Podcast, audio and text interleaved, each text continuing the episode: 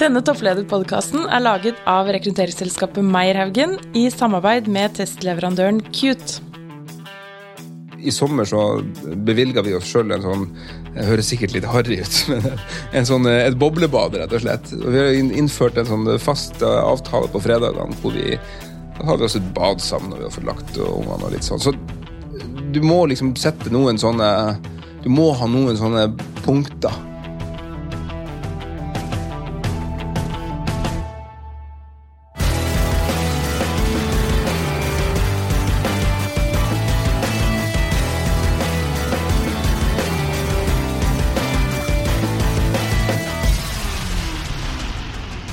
Dag har vi besøk av eh, en fersk toppleder i Topplederrådet. Eh, nemlig Anders Oppdal, som er eh, ny konsernsjef i Amedia.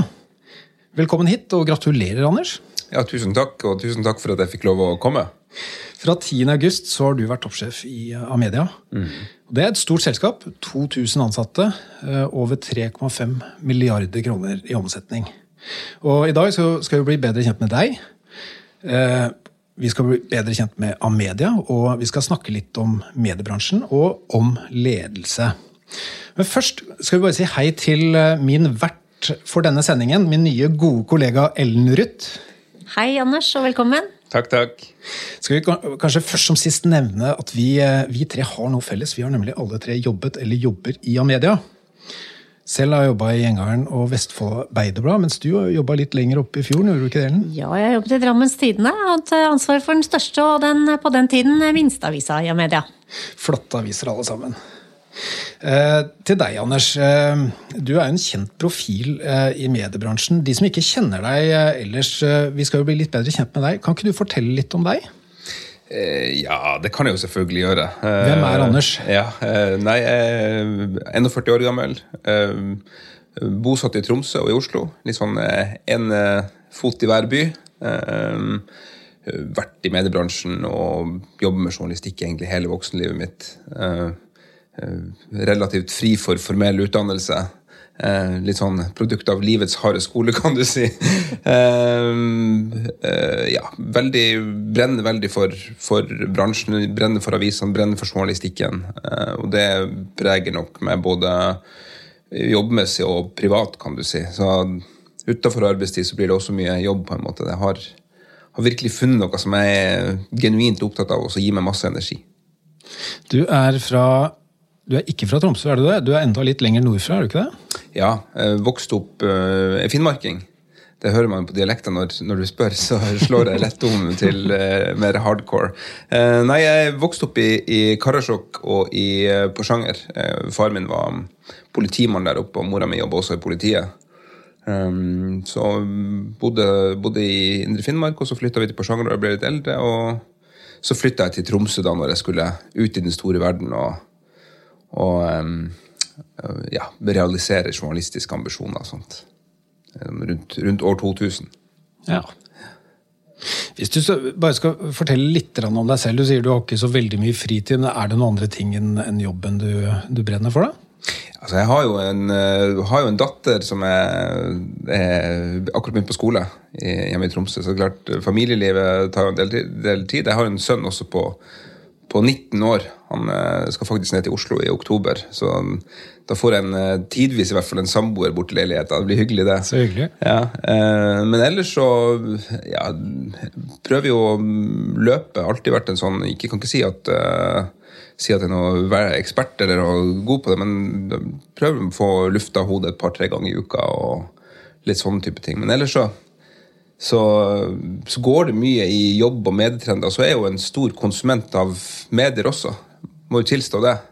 Så når jeg ikke eh, jobber med å lage journalistikk eller lage innhold, så bruker jeg mye tid på det også, enten det er i lydform eller i levende bilder eller bøker eller aviser eller noe sånt. Så det er jo småbarnslivet, da. Tidsklemme på en måte, uten å uh, stresse det for mye. Så det blir liksom kanskje litt mindre tid til det her um, hobby, hobbygreiene som det var for før vi, før vi, fikk, før vi fikk, Andrea. Da.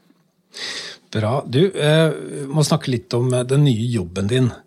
Eh, du er ny konsernsjef og har vært det noen uker nå. Hvorfor ønska du denne jobben?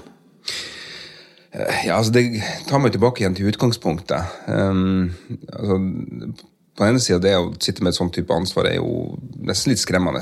Du skjønner kanskje ikke det helt ordentlig før du først før jeg faktisk fikk jobben. Uh, så, så, det handler egentlig ikke så jævlig mye om posisjon i seg sjøl. Men, men uh, som konsernsjef i en sånn type virksomhet, som også holder på med noe som jeg er genuint opptatt av, og som jeg er veldig glad i, um, så har du utrolig mye innflytelse, en påvirkningsmulighet. Og det er kanskje det som, det som virkelig har tiltrukket meg med jobben og gjort at jeg har liksom tenkt at det har jeg lyst til å bli når jeg blir stor. Uh, det er akkurat den, der ytterste konsekvens den, det stedet hvor jeg kan uh, bidra aller mest i det fellesskapet for å skape gode resultater og skape en, en langsiktig bra utvikling for, for journalistikken i Norge. Vi som jobber med rekruttering, vi er jo opptatt av å gi kandidater et realistisk bilde av jobben. Hva er, etter at du nå har begynt da, vært i jobben i tre uker, har det kommet noen overraskelser, eller er jobben akkurat sånn som du trodde? Nei, altså Jeg lærer jo noe nytt hver eneste dag. Uh, absolutt.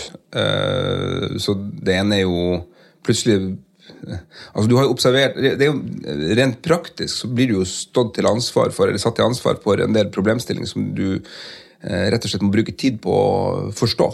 Jeg har jobba på relativt høyt nivå i systemet en stund og jobba med det som er mine spesialområder. ikke sant? Men her får jeg et helhetlig ansvar, og her har jeg et helhetlig ansvar. Og det stiller jo andre krav til å forstå kompleksiteten um, på andre områder. Som, og det, det, har vært litt sånn det, Ja, jeg skjønte nok at det er sånn det er, men det har tatt litt tid, da. Uh, og det andre som er en sånn uh, Hva skal jeg si uh, Litt sånn aha-opplevelse. Det, det, er jo det øyeblikket jeg fikk den jobben. hvordan omgivelsene egentlig endrer seg. Jeg, mange som kjenner meg, vil nok si at jeg kan være kraftfull, impulsiv, offensiv, rett, rett frem. ikke sant? Um, og det kan jo være en litt skummel kombinasjon når plutselig ordene dine veier like mye som betong. Så det har vært en sånn liten eh, disiplinerende faktor den første tida er ikke bare ile til oss og sette to streker under svaret etter ett minutt, som kanskje har vært en historisk tendens. Ja, Si litt mer om det. Jeg er litt nysgjerrig på hvordan eh, hverdagen din har endret seg ja, de siste ukene. Gjør du noe annet disse ukene enn du gjorde før du fikk den rollen? Men altså, Jobben er jo annerledes. Der hvor jeg tidligere brukte kanskje mye tid på å gå ned i grøten på en ting og korrigere, egentlig, eller tillot meg sjøl å korrigere eh, prosessene nede på et detaljnivå, så innser jeg at det er en veldig uheldig måte å operere på. Så jeg er jo nødt til å skape resultater gjennom andre ledere, andre kolleger i strukturen. Uh, og det er jo annerledes. Det er genuint annerledes. Og det krever jo et uh, knepp av tålmodighet som, som, jeg jobber med. litt bedre i dag enn i går, og forhåpentligvis enda litt bedre om en uke. Bra. Du, kan du si litt om de tre ukene som du nå har vært toppleder? Da. Du har jo vært i Amedia lenge. og Eh, du begynte jo din karriere som journalist i, radio på sjanger. Så det, du har jo en god radiostemme. Det var sikkert det som, eh, som starta det hele. Eh, og så har du vært i, etter hva jeg kan se, vært i Amedia siden ca. 2000. Mm. og så har du gått i denne organisasjonen, og så har du nå blitt toppleder. Mm. hvilke fordeler og ulemper er det ved å gå den interne veien opp til toppledelsen? Altså, Fordelen er jo det at jeg kan jo selskapet veldig godt. Uh, og forstår intuitivt og umiddelbart uh, ikke bare det store strategiske målbildet som vi har, eller de store strategiske utfordringene, men når en, en, en uh, ansatt i et sted i verdikjeden, enten den er på den kommersielle sida eller redaksjonelle sida eller på distribusjonstrykksida f.eks., så har jo jeg vært med så lenge at jeg har umiddelbart ganske god forståelse for hva det problemet går ut på. da. Um, så det er jo helt åpenbart en styrke. Uh, når det da kommer opp en sak til uh, beslutning eller til diskusjon, eller noe sånt, så har jeg jo med meg den bagasjen gjennom å ha gått hele, hele karrieren internt i, internt i virksomheten. Um, Utfordringa kan jo være det at du ikke ser skogen for bare trær. Og det er jo noe som jeg har brukt mye, tid på å tenke i sommer. Uh, du er liksom nødt til å ta to steg tilbake.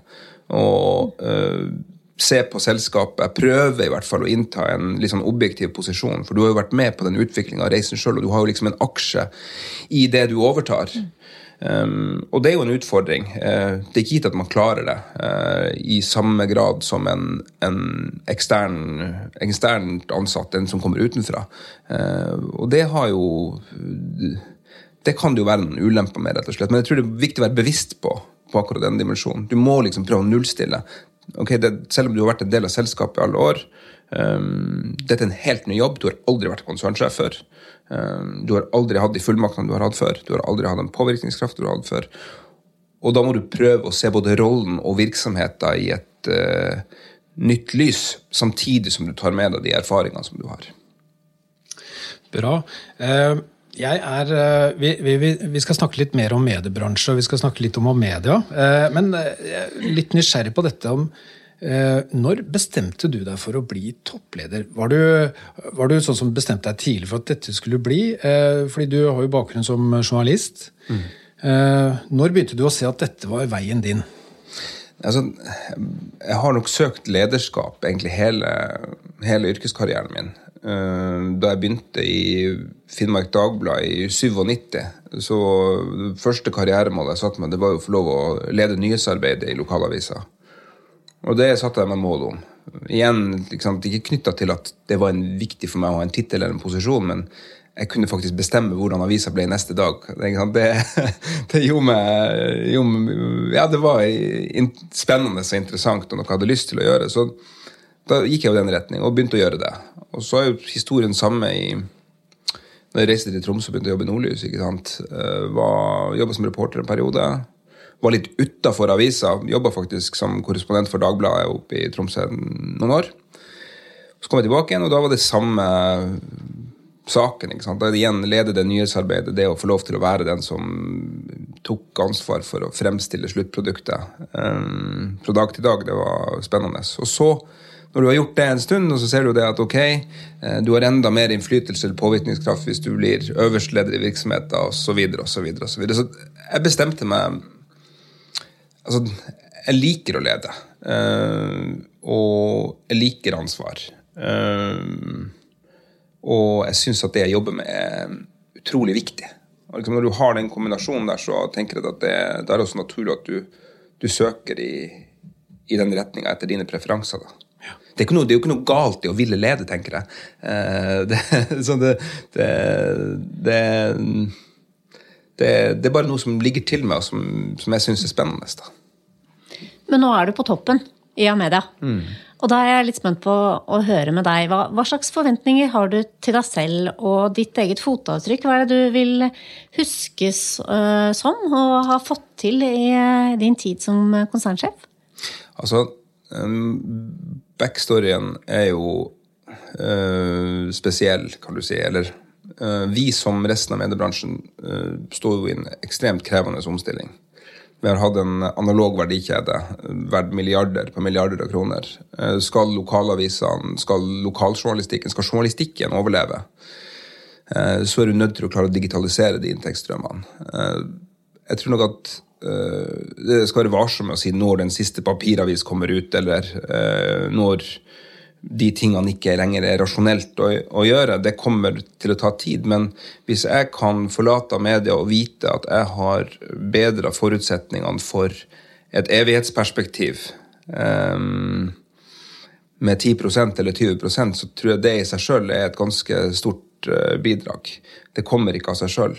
Vi står foran en, uh, en stor endring. og og, og, så har du også ytre ting som endrer seg. Medielandskapet endrer seg. Du, konsolidering.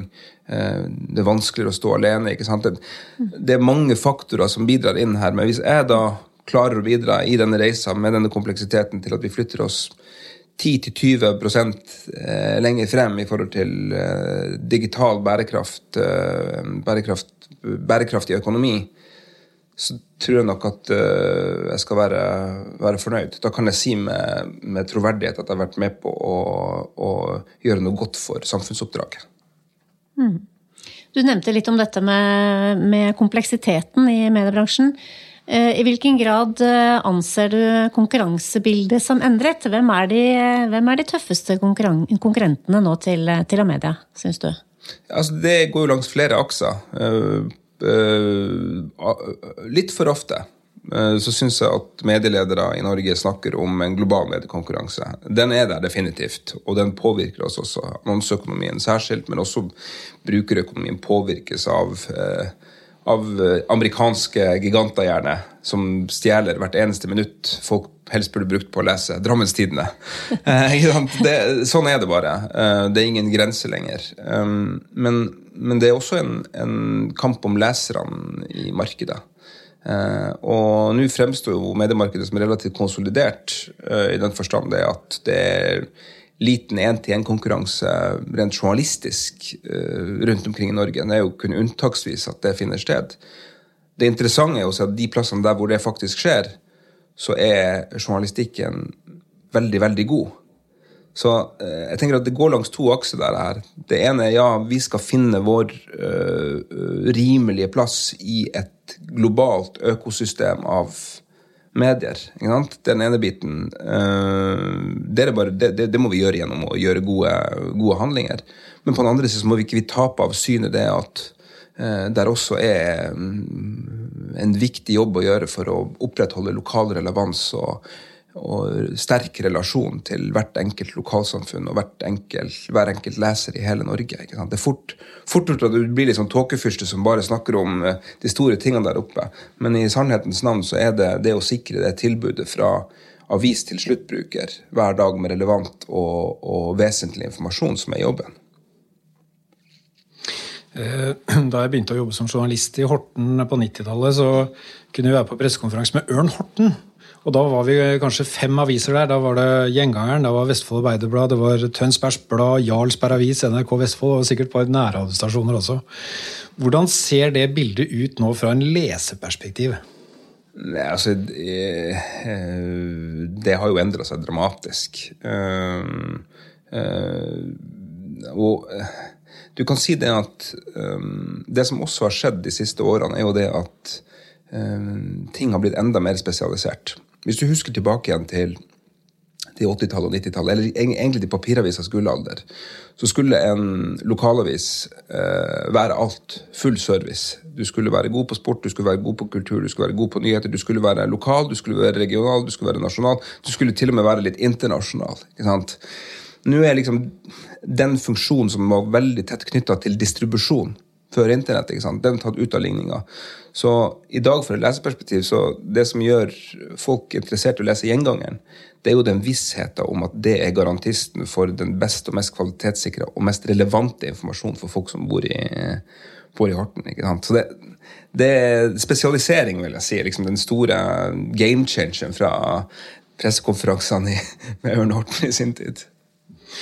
Og så vet vi at det, Det siste halvåret har jo vært krevende for mange bransjer uh, med, med, korona.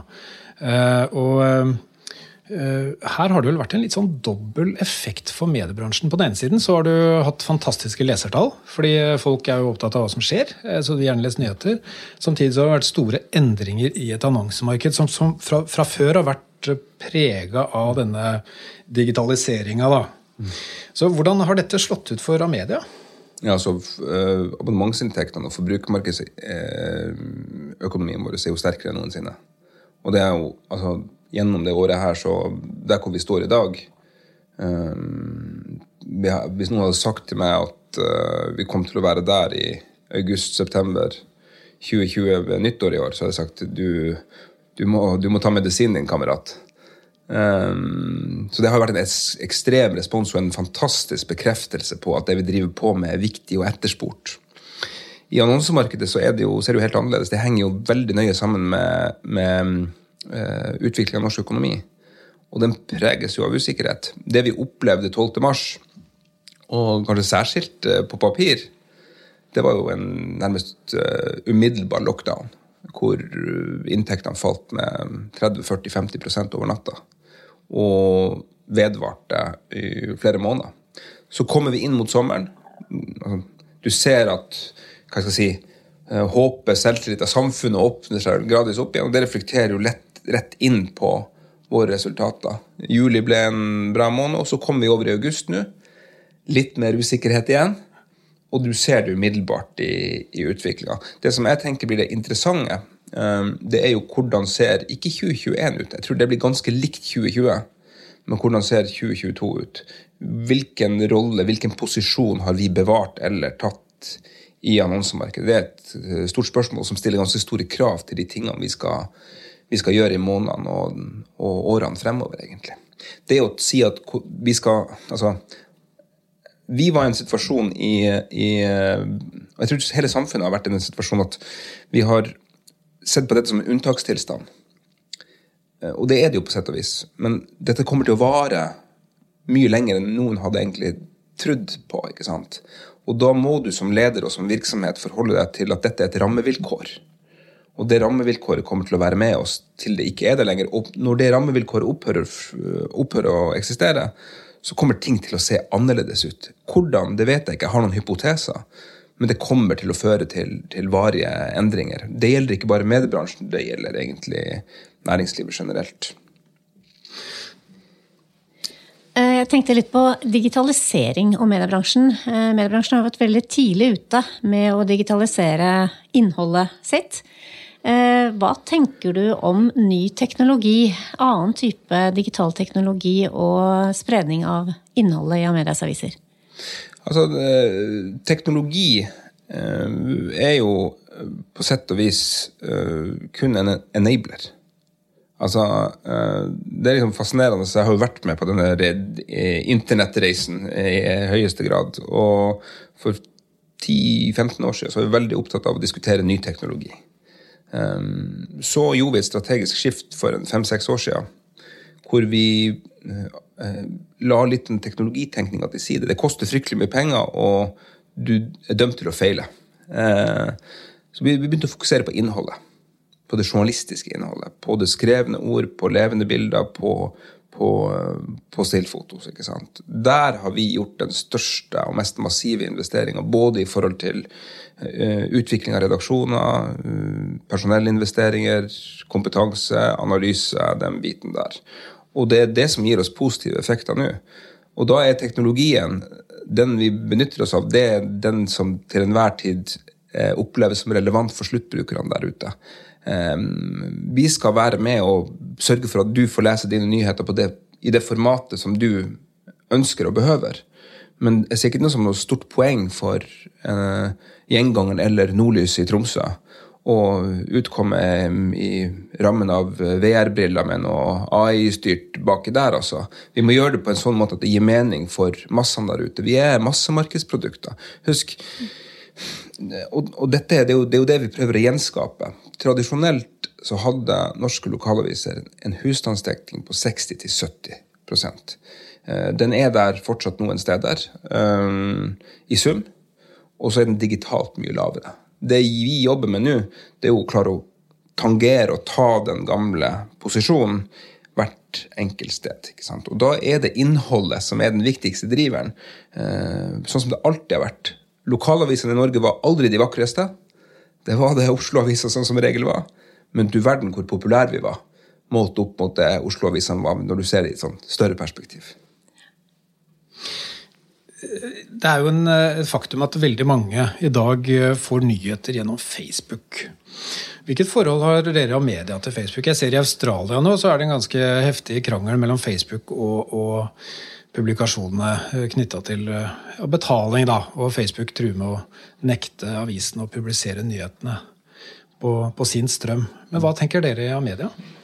Altså, Facebook er jo ikke en, er jo ikke en publiseringsplattform. Det er jo det mange misforstår uh, fullstendig. Uh, det er en kommersielt drevet algoritme uh, som skal skape lykke hos den enkelte.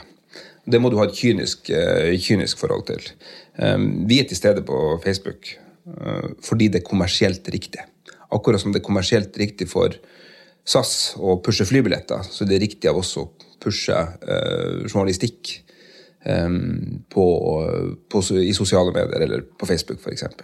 Men vi gjør det kynisk i et markedsføringsøyemed. Um, vi ønsker at folk skal komme og bruke våre plattformer Eh, hvor vi har kontroll, hvor redaktørene våre har kontroll, kan kvalitetssikre det som kommer ut. ikke sant? Så vi ser nok på sosiale medier først og fremst som en lead, og ikke stedet hvor vi egentlig ønsker at uh, ønsker at uh, den offentlige samtalen skal uh, finne sted. Men nå er jo disse mediene her. ikke sant? Du må forholde, dem til deg, forholde deg til dem, men må, altså, det er ekstremt viktig å ikke være naiv. Dette er kommersielle giganter som er utrolig gode på det de gjør. forlokkende verdiforslag, men det er ikke Televerket. Det, dette er noe helt annet. Nå, nå, er det sånn, Både Ellen og jeg vi har jobba i mediebransjen og jobber for så vidt med mediebransjen og brenner for mediebransjen, vi også, selv om vi ikke jobber i den direkte. Eh, vi følger den tett. Eh, og, og, når jeg hører på deg nå, så, eh, og har hørt på medieledere før for en del år siden, så tenker jeg du har et positivt, offensivt budskap da, som er veldig hyggelig å høre på. Og, og spennende å følge. Samtidig så har jo mediebransjen vært gjennom mange år med mye nedbemanning. og Jeg leste når Gard Steiro, som er sjef i VG, sa noe i retning av at vi kan stå foran nye mediekriser. Eh, hva tenker du om det? Ja, altså eh, du, du, får det jo som det spår det. Og det er klart, hvis jeg hadde sagt her at um, dette kommer til å gå dårlig, så kommer det til å gå ganske dårlig. Um, er på ingen måte naiv. Vi har betydelige utfordringer. Vi kommer kanskje til å miste kolleger på veien. Vi må kanskje ta investeringer som, er, som er, koster fryktelig mye penger for å lykkes. Men vi må ha et positivt mindset knytta til disse endringene. Eh, og så må vi samtidig være bevisst og ha en risikovurdering eh, til at det fins en alternativ rute som kanskje ikke er så, så hyggelig å legge ut på. F.eks. nå når vi planlegger økonomien i Amedia for neste år så har vi da ett uh, hovedscenario. Uh, det er ikke noe fylt med noe overoptimisme på, slags, på noen slags måte. Det tar utgangspunkt i uh, rasjonelle analyser ut fra hvordan uh, markedsutviklinga har vært i det året her. ikke sant? Og gir et frempek til 2021. slår det inn, så kommer det til å bli et krevende år, men i sum har vi styrka vår posisjon. Så har vi da lagd en alternativ B. Og det er jo litt mer i, ut fra det mindsettet at her blir det mørkt og dystert, og vi står overfor en ny krise. Og det må vi også gjøre, det men det er, det er, ikke hovedruta. Det er ikke den ønska ruta. Så jeg bare tenker at du må bare passe på å ikke, ikke komme med selvoppfyllende uh, profetier en bevissthet knytta til at her er det utfordringer. Ja, en bevissthet knytta til at dette kan bli smertefullt, og det vil bli smertefullt på et tidspunkt. Ja, men det kan ikke være primærstandpunktet. Da ender du opp med en Ikke er du attraktiv som bransje, og jeg tror ikke du får så veldig lykkelige medarbeidere av det heller. Sant? Eh, det kommer når det kommer. Ok? Mm. du sa du ikke ville svare på det, men Uh, likevel. Uh, jeg har lyst til å stille spørsmålet altså, rundt dette med papiraviser. Jeg vet ikke hvor stor andel av økonomien og hvor mye inntektene kommer fra altså, digitalt versus papir i dag. Kan du gi et sånn estimat på det? Ja, altså, fortsatt er jo papir en utrolig viktig kanal. Vi snakker jo om milliardinntekter. Uh, i den verdikjeden. Ja. Det, er jo, det, er jo, ingen tvil om. Vi har vel 600-700 millioner i printannonser fortsatt. Uh, noe sånt. Uh, fortsatt er det sånn at papirinntektene utgjør røftlig halvparten av forbrukermarkedsinntektene våre. Men dette endrer seg jo i rekordfart. Har vi papiraviser om ti år? altså Ikke i dagens form. Eh, den, vi ser jo allerede, og vi har vært gjennom endringer de siste årene, hvor vi har begynt å ta ned frekvens på enkeltaviser. Eh, og så, gjør, og så skjer ikke disse tingene over natta. Det er jo noen som liksom tror at eh, du skal gå fra seks utgivelsesdager til én eller null utgivelsesdager som en sånn strategisk beslutning. Men her må du jo følge markedet til enhver tid. Ta en avis som Fremover i Narvik. Flott avis. Viktig. Eh, har fortsatt en stor leserskarp på print, men der er det bærekraftig det å komme ut fire dager i uka. Kanskje om to år så er det to dager i uka. Så dette kommer til å skje suksessivt. Så når du spør om et tiårsperspektiv um, Den har vist seg til nå å være mer seigliva enn noen vil ha det til. så, så, vi får se. Det er klart, det er en annen utfordring med dette også. Og det er jo det at uh, i motsetning til digital distribusjon, så er analog distribusjon fryktelig dyrt. Det å lage en papiravis Det er ikke alle som tenker over det, men det er faktisk en, en, en, en rutinemessig industriproduksjon hver ettermiddag.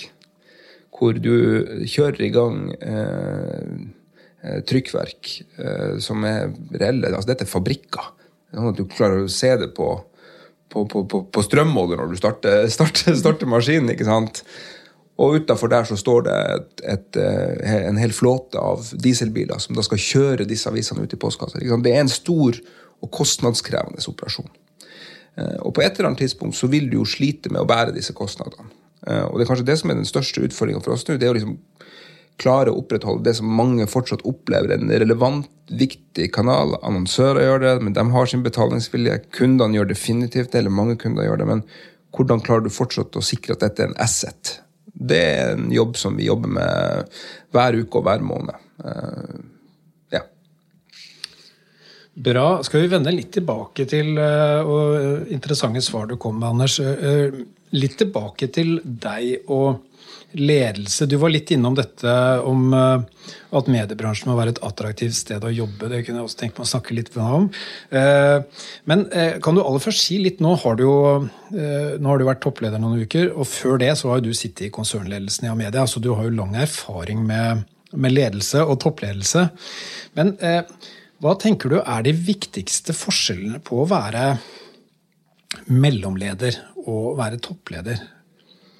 Um, Altså uh, Som toppleder så kan du uh, du, er, uh, du, er, du er nødt til å ha et helhetlig perspektiv i Det ene er saksmessig, men det andre også når det pågår diskusjoner eller, eller du er en, på en beslutningsreise.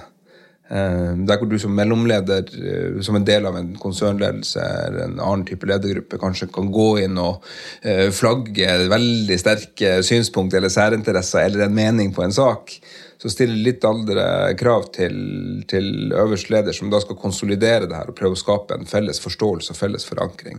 Så det er jo en sånn eh, viktig distinksjon som jeg allerede kjenner litt, eh, kjenner litt på. Jeg har en tendens, jeg er veldig glad i å argumentere. Så det å gå inn i et ledermøte eller i en dialog med noen eh, og har et brennende engasjement for noe, så er jo liksom autopiloten den går jo på at det er det jeg har lyst til å gjøre. Men eh, jeg ser jo at det, det fungerer bare ikke på den måten. Så jeg er nødt til å ta to steg tilbake i, i, i, i de beslutningsprosessene. Det er min jobb, rett og slett. Mm. Hvis vi, nå, når vi først er inne på ledelse, um, så er det veldig typisk for oss som snakker med kandidater hver dag, å få spørsmål om uh, hva slags ledelsesfilosofi er det i dette selskapet. Når de vil vurdere å bytte jobb, så er det viktig for veldig mange. Hva slags type leder får de? Uh, hva er det denne lederen er opptatt av? Har du gjort deg opp noen mening om uh, din egen ledelsesfilosofi? Det var en klok mann som sa en gang til meg at vi er dem vi er. Uh, og det tror jeg er veldig sant. Uh, du må investere i de menneskene du har. Uh, og skal du lykkes med å investere i de menneskene du har, så må du ta dem med på råd og ta dem med på reiser. Og en ting som ofte blir undervurdert, og det ser jeg også i vår egen virksomhet, det er evnen til å forankre ting. Eller det blir ofte undervurdert. Det at du faktisk det, det, kan være kjedelig, og det kan føles ut som det tar tid, men det å faktisk sette meg ned med folk og sørge for at de eh, noenlunde har en god forståelse for eh, hva vi prøver å få til, eh, både i detalj og sum, det er kjempeviktig. Det er noe som jeg sjøl har måttet lære eh, mye, de, mye, av de siste, siste årene. Um, så, så det, det, er et viktig, viktig, viktig moment. Det, det, andre er Norge er jo et spesielt land. Vi er jo, uh, vi er jo ikke spesielt uh, hierarkisk orientert ikke sant? Vi, eh, folk er stort sett i øyehøyde med hverandre. Sosiale forskjeller er begrensa. Eh, toppledere i eh, Norge er også det, det, det, Dette er liksom ikke Sverige eller Amerika, for å si det sånn. Det, er litt annerledes. Og da, det fordrer at du også må være åpen for at folk har en mening om ting.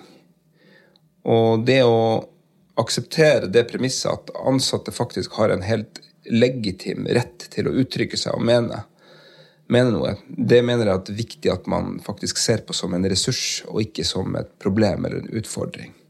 Um, hvis man klarer å håndtere de to tingene, den ene forankringsbiten, men den andre biten også altså, Ikke retten til å bestemme nødvendigvis, men retten til å få sagt det man mener, så tror jeg man ender opp med å få ganske gode og kraftfulle uh, beslutninger.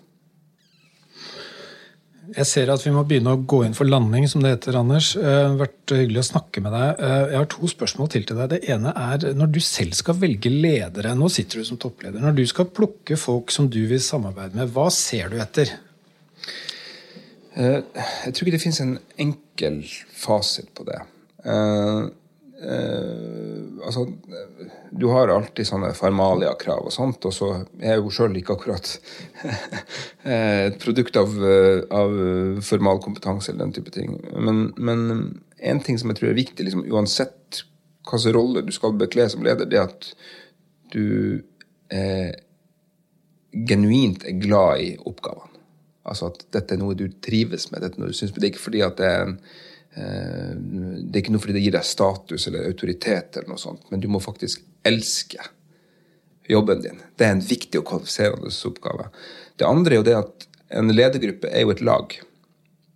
Og eh, jeg har utvikla noen ledergrupper opp gjennom årene. Og de gangene jeg lyktes best, det er når jeg faktisk fullt ut har klart å ivareta mangfold. Og da tenker jeg ikke bare på kvinner og menn, eh, men også alder og, og ikke minst preferanser. Lykkes du med å få flinke folk som elsker det de gjør, og som har ulike perspektiver på ting, så klarer du å få diskusjoner som er uh, bedre. Og når du får gode diskusjoner, så får du også Ja, da sliper du en fin diamant uh, til slutt, altså.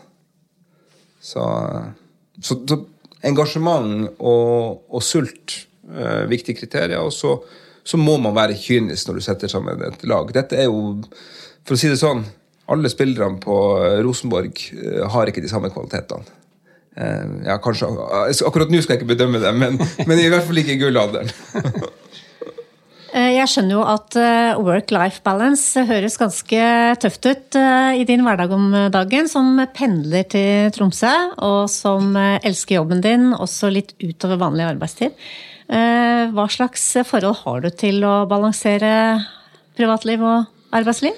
Nei, altså, jeg tror jeg er ganske flink til å koble av.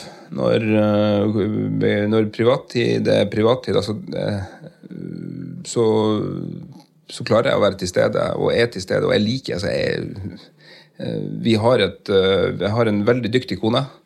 Hun har også en jobb som krever mye, som hun bruker masse tid på.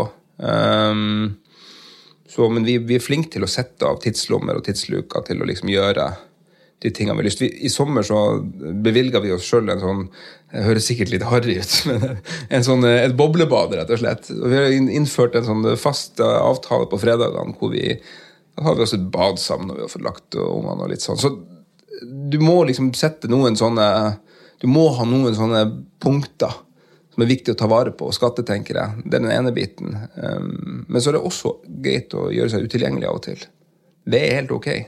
Det er ikke sånn at altså uh, uh, Du må være tilgjengelig 24-7 nødvendigvis. Og skulle det være en krise, så går det alltid sånn å få tak i en. Altså, det, er ikke, det er ikke umulig. Men så Ja jeg har et forbedringspotensial, jeg må innrømme det. Eh, jeg svarer ikke straight forward på dette området, her, men det er i hvert fall noe som vi snakker om og er bevisst, og det i seg sjøl tror jeg er viktig. Du, aller siste spørsmål til deg, Anders, og nå skal du få muligheten til å komme med en pitch. Det er altså, Mediebransjen kjemper jo mange de beste folka. Eh, med, eh, og Der har jo konkurransebildet blitt litt annerledes også. Mediebransjen konkurrerer f.eks. om de beste kommunikatørene med med folk som jobber med kommunikasjon, eller som jobber i Red Bull TV, hva vet jeg. Eh, eh, og det samme gjelder jo innenfor kommersielle stillinger, og ikke minst i digitale stillinger. Men hvorfor skal det unge i dag velge mediebransjen? Um, fordi at uh, vi gjør en utrolig viktig jobb. Altså, uh, For det første så er vi trailblazere i norsk sammenheng knytta til digitalisering. Vi har arbeidsoppgaver, vi har utfordringer Eh, som er utrolig spennende. Ikke bare for journalister, men også for eh, teknologer og prosjektledere og, og kommersielle hoder. fullt av muligheter. Og i og med at fremtida fortsatt er så usikker, så har du også en veldig stor påvirkningskraft i forhold til hvordan fremtida kommer til å bli. Og så vil jeg bare understreke igjen hver dag når vi går på jobb, enten du er annonseselger i en lokalavis, du er teknolog i en Utvikling, eller du jobber i en avis, enten lokalt eller riks, så har eh, eh, formålet én ting. Det er at du skal bidra til å finansiere demokrati og mediemangfold i hele landet. Så hvis du har et element, element av samfunnsmenneske i det, og du på den andre sida er opptatt av å spennende arbeidsoppgaver hvor du kan påvirke, så eh, ville jeg ikke valgt noe annet. altså.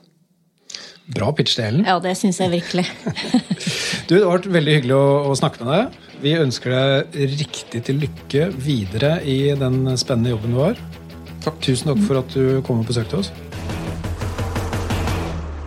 Har du innspill eller kommentarer til denne podkasten, kan du sende en e-post til toppleder at meierhaugen.no.